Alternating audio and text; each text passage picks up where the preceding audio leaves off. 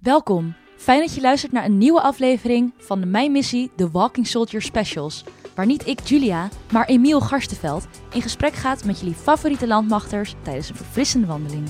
Nu naar de allereerste aflevering waarin hij met Hella van der Wijst op pad gaat.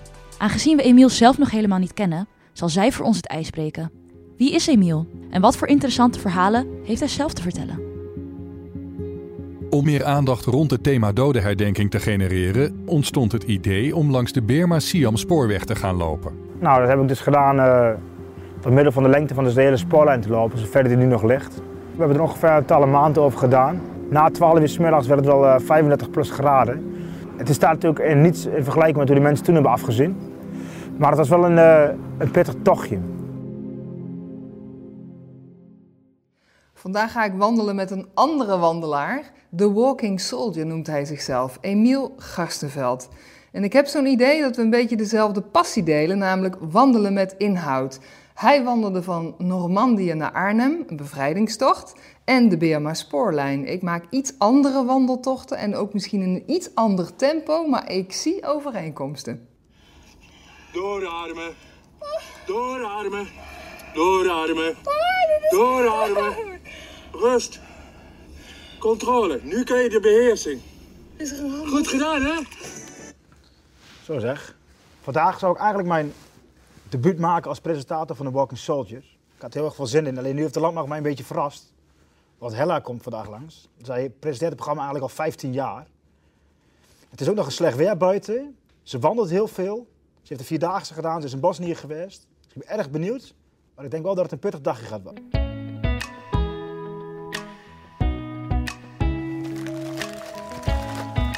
Dit sombere weer kan ik er maar beter voor zorgen dat ik er een beetje vrolijk uitzie. Een beetje energie mee voor de rest van de dag. En dan komt alles goed.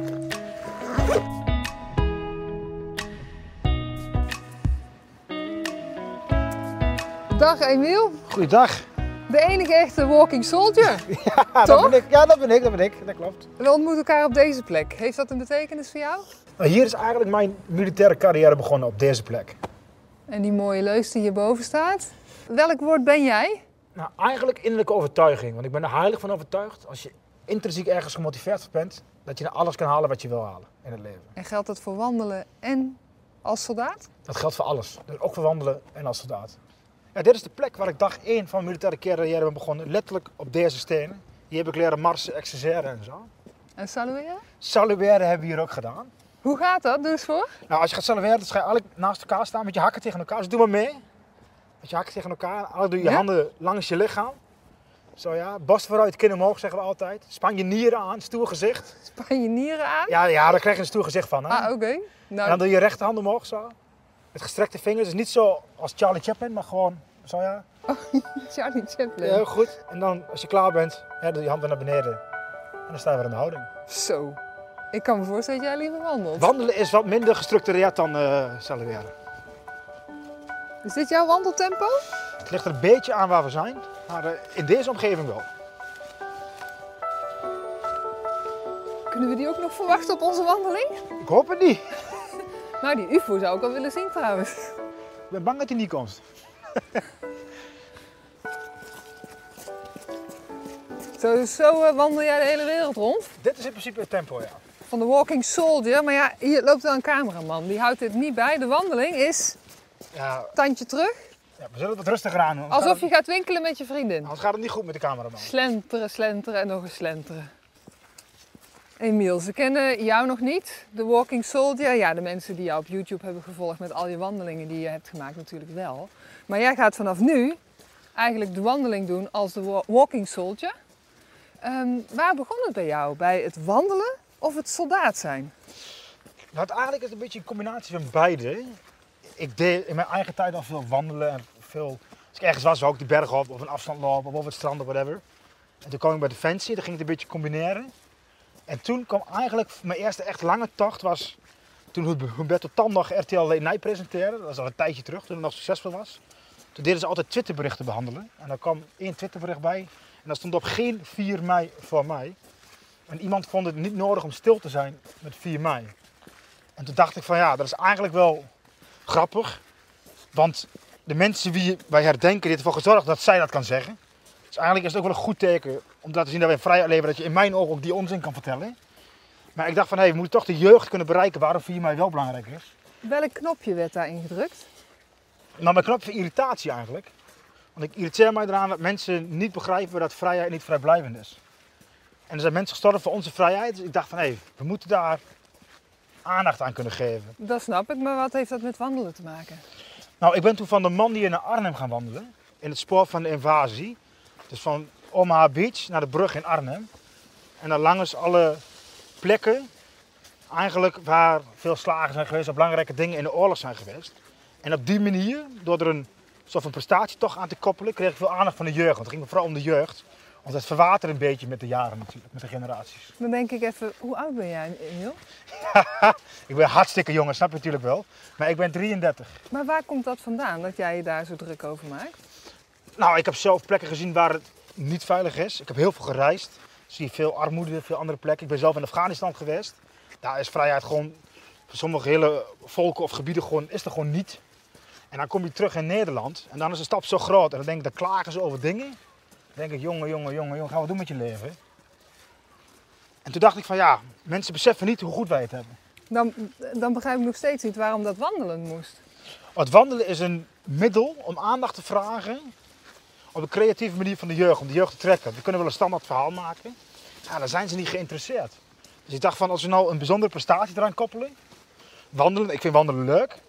Wandelen leuk om te doen. Ik heb het bij Defensie ook onder andere geleerd hoe je het goed moet doen. Er zit nog heel verschil tussen. Wandelen of marsen? Ja, daar zit dus nog heel verschil tussen. Maar je kunt wel dingen meenemen wat je hebt geleerd. Over kleding, over voeding, over eh, afstanden lopen en dat soort zaken. Ik dacht, als we nou alles combineren, dan kan ik het mooi vertellen. Is er veel aandacht. En ik merkte ook dat er veel aandacht van de jeugd naar kwam. En dan heb ik de goede doelgroep bereikt uiteindelijk. En waarom wilde Defensie eh, jou dit laten doen onder de tijd van de baas? Nou, omdat Defensie vrijheid ook een belangrijk gegeven vindt. En het ook een creatieve manier vond om de jeugd te betrekken. Wij proberen ook de mensen bewust te worden, te laten worden van waarom wij ergens heen gaan wat wij doen in de wereld. En dit is dan ook een goede manier om te laten zien, hey, hou gewoon, ook al ben je het niet mee eens, hou gewoon even twee minuten je mondje dicht. Kun je herdenken, herdenk je eigen ding. En dan is er respect voor alles en iedereen. En dan zie je ook dat wij wel in vrijheid leven, dat, dat je wel je eigen ding kan doen. Maar wel respect voor degenen die gevallen zijn voor onze vrijheid. En waar ben je soldaat geworden? Ja, veel in het buitenland. Je komt overal. Het is een uitdagende, werkgever. Je bent lekker bezig, fysiek bezig zijn. Het is wel alle gave dingen, denk ik. Ik raad iedereen het ook aan, zeker als je jong bent, om bij ons te komen werken. Voor je eigen persoonlijke ontwikkeling. En of het nou qua fysiek is, maar ook qua, qua als mens. Want je, je leert en ziet wel heel veel, waardoor je kijk op de wereld wel verandert. Dit klinkt als een promopraatje. Ja, maar het is geen promopraatje, maar het is gewoon echt zo in mijn ogen. Ja? Ja, kijk, dit praatje kun je ook gewoon afspelen op de website van Defensie en is de Ja, dat bedoel ik, daar hoor ik het ook. Wat, Nee. Hoe ben jij veranderd? Ik ben veranderd in het besef van hoe, hoe wij leven in Nederland en hoe, het, hoe erg het ook kan zijn, ergens anders. En het, heeft- die, die kijk is wel veranderd door dingen wat ik heb gezien met Defensie. Noem eens eens een ding. Nou, als wij ergens op oefening gingen bijvoorbeeld, gingen we ook naar Bergen-Belsen. En dan gingen we met z'n allen in de treincoupé staan, waar vroeger de mensen ook in vervoerd werden. En dat geeft wel een besef van hoe slecht het ook was. En hoe goed wij het nu hebben. En dat heeft mij wel meer sneller volwassen gemaakt, realistisch gemaakt over hoe de wereld in elkaar steekt. In plaats van dat het alleen maar vrijheid, blijheid is. Als jij eens even teruggaat naar dat moment, in die treincoupé, Bergen-Belsen, concentratiekamp. Wat gebeurde daar? Het geeft ehm, een goed beeld van hoe het was, hoe erg het toen was. En dat je dat nooit meer moet willen hebben. Wat deed dat met jou? Nou, dat, dat gevoel toen ik daar letterlijk daar stond, ah, was claustrofobisch. Er zijn heel veel mensen in zo'n ding. Maar als je er dieper over na gaat denken, geeft het het gevoel van onmacht. Dat je niks hebt. Dat je niks meer kan- zelf kan beslissen. Dat alles, eigenlijk is alles van je afgenomen wat je hebt. En ik denk dat wij moeten beseffen dat wij dat nu niet hebben. En dat we nu eigenlijk een hartstikke goed leven hebben. Natuurlijk zijn allemaal dingen wat niet fijn is, zeker in de huidige tijd. Maar het kan altijd veel erger. Dat, dat is wat daar gebeurde, dat je ging relativeren van... Ja, het relativeringsvermogen van wat is afzien en wat is pijn in hoe wij nu leven ten opzichte van hoe het toen was. Dan leven wij nu toch fantastisch. Vind je eigenlijk soms wel dat je iets te makkelijk leven hebt? Nee, ik denk dat niemand een te makkelijk leven heeft. Want hoe makkelijker, hoe beter, denk ik. Want je leeft uiteindelijk voor geluk en niet om het afzien. Maar ik denk wel dat afzien of diepe dalen of dingen, eh, mentale weerbaarheid goed is voor de ontwikkeling van een mens. Zeker als mensen jonger zijn. Ja, Ik zeg het omdat, waarom zou je voor je lol al die enorme monstertochten gaan wandelen die jij doet? Ja, het kan meerdere redenen hebben. Of om een verhaal te vertellen, zoals de afgelopen keer. Of gewoon voor bijvoorbeeld de fysieke en mentale uitdaging. Precies, dus je zoekt dat afzien op. Ja, ik vind het wel fijn. Zeker als je mentaal de grens opzoekt van wat je kan. Dus hoe diep kun je gaan, hoe ver kun je gaan. Waarom wil je dat? Omdat ik denk dat je maar één keer leeft en dan moet je het maximale eruit halen. We kunnen met z'n allen voor 8 5 op de bank gaan liggen. Ah, hallo, ja, maar dan kan je toch ook leuke dingen doen? Waarom moet je dan afzien? Omdat je dan de grens van je lichaam en geest vindt. En als je gewoon thuis de bank achter de Playstation zit, doe je dat niet. Want hoe meer je afziet, hoe groter de pieken zijn. En hoe hoger de pieken, hoe leuker het is. Daar zit iets in. Hoeveel tochten had jij die jij wilde wandelen? En waar ben je begonnen? Met welke tocht? Nou, eigenlijk ben ik begonnen met de tocht ehm, van de man in Arnhem. Puur de herdenkingstocht. Ik had privé heel veel tochten gedaan. Normandië, Arnhem. Hoeveel kilometer was dat? Ietsjes meer dan 600. 600 kilometer? Ja, Hoe lang was het wandelen? ja we hebben er ongeveer een maand over gedaan. We hadden ook af en toe wat rustdagen. Maar eh, want we wouden precies 4 mei binnenkomen. Dat was de essentie. En liep je dan in je hoofd met de verhalen van die militairen die dus daar ook gewandeld hebben? Ja, dus zeker als je bij langs plekken komt waar graven liggen of waar verhalen te vertellen zijn, dan, eh, dan zeker. We zijn nog langs een monument van de Eerste Wereldoorlog geweest in Ieper. Dat was erg bijzonder. Want doen ze elke, elke dag nog, ook tijdens de Tweede Wereldoorlog, eh, om 8 minuten 1 minuut stilte, om 8 uur 1 minuut stilte. Ja, dat vond ik wel echt heel gaaf om mee te maken. Nou, ik heb nog wat lekkers voor je meegenomen. Zeg, haal hem eruit. Er zit een heel lekker kaakje in. Het is wel echt kurk kurk droog. Maar ik kun er dadelijk wel wat tegenaan. Nou, ik doe maar even zoals de militairen doen, maar ik heb hier niet veel vertrouwen in hoor. Jawel, dat komt allemaal goed. Straks ben je blij dat je het gegeten hebt. En het is zo droog, dan ben je ook even rustig, even geen last van vragen meer. Dan kan ik gewoon rustig doorwandelen. Goeie truc, want het werkt wel. En smaakt het een beetje? Nee, maar het vult wel. En daar Ja. gaat het erom. Uiteindelijk gaat het daarom, ja. Wat was tot nu toe je meest bijzondere wandeling als walking soldier? Ik heb de Burma Spoorlijn gelopen. Dus eigenlijk eh, was het tijdens de Tweede Wereldoorlog met heel veel gevangenen een spoorlijn hebben aangelegd. Zijn veel Nederlanders overleden. En ik vond het wel een bijzonder verhaal, omdat er iets onbekende verhaal is in Nederland. Ja, en, dit hele, hele land, klimatologische omstandigheden, is het wel anders. En het verhaal maakte echt wel veel indruk. Dus dat is wel het meest bijzonder. is 400 kilometer ongeveer, wat ik heb gedaan. En we zijn op de grens van Thailand en Burma gestopt. Om dan aan te geven van, nee, het ene land is vrij en het andere land niet. Het is letterlijk het verschil tussen vrij zijn en niet vrij zijn. 400 kilometer. En wat voor omstandigheden? Ja, hele hoge luchtvochtigheid. En we begonnen met wandelen op het moment dat de zon scheen. De zon opkwam, dus een uurtje of 6 in de ochtend. En dan ja, tot 12, want daarna was het echt 30, 30 35 gra- plus graden. En dan was het haast niet meer te doen. Want we moesten ook alles zelf meenemen, we hadden geen ondersteuning. Dus als je dan veel water mee moet nemen, drinken, je tent, al je spullen, dan loop je met een tas van 20, 25 kilo. Het ergste was op het meest zware punt. Stond ik daar en toen kwam er auto aan rijden en die ging op zijn kant. Dus we moesten ook nog meteen helpen bij een ongeluk op het allerzwaarste punt. Op zich was het wel, weet ik ook dat we dat kunnen doen. En de, en de mensen leven nog. Ja, de mensen leefden nog. Ja, de man klom eruit, want er was een auto met kippen erin. En die ging de kippen vangen. En toen hoorde ik allemaal geluiden, bleek zijn vrouw er nog in te zitten. Dus ik denk dat hij de prioriteit op de kippen legde in plaats van op zijn eigen partner. Dus toen hebben we de vrouw er maar uitgetild. En als je dan naar de weg kijkt die voor jou ligt. Jouw missie als walking soldier. Wat is die? Ja, ik heb eigenlijk nog wel eh, meerdere ambities. Eén is een hele grote tocht lopen. Echt van tegen 1000 kilometer. En de andere is middels wandelingen, zoals wij nu eigenlijk doen. Het verhaal van de mens eh, achter het groene pak, zeg maar. Achter zijn gecamoufleerde harnas, waar die altijd in zit. Zijn persoonlijk maar ook bijzondere functies die we hebben. En dan kun je zien dat Defensie veel breder is en veel mooier is in mijn optiek dan heel veel mensen denken dat het is. En wat is jouw verhaal achter het groene pak in één zin gezegd? Nou, mijn verhaal is dat ik het verhaal van andere mensen wil laten zien, zodat iedereen een goed, eerlijk en mooi beeld van Defensie krijgt. En dan was het voor jou als wandelaar afzien, die hele route Berma-spoorlijn.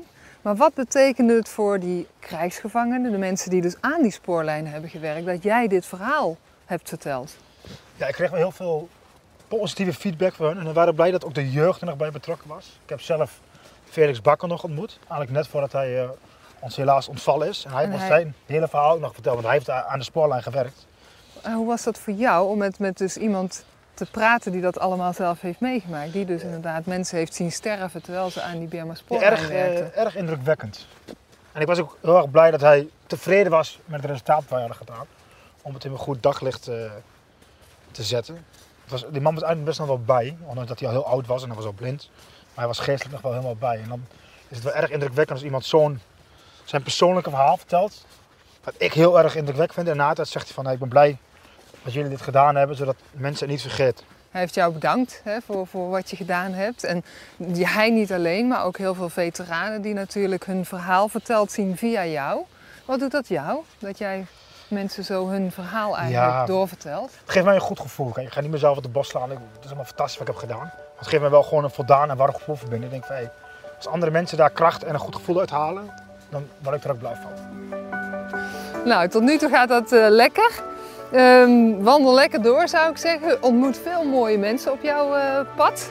Ik ben erg benieuwd naar alle verhalen. En als je nog tips nodig hebt ehm, om de diepte in te duiken qua wandeling, je weet me te vinden. Op YouTube is The Walking Soldier ook fysiek te bekijken. Vergeet je niet gelijk te abonneren op ons kanaal, zodat je altijd up-to-date bent van de nieuwste landmachtcontent. Bedankt voor het luisteren en tot de volgende aflevering.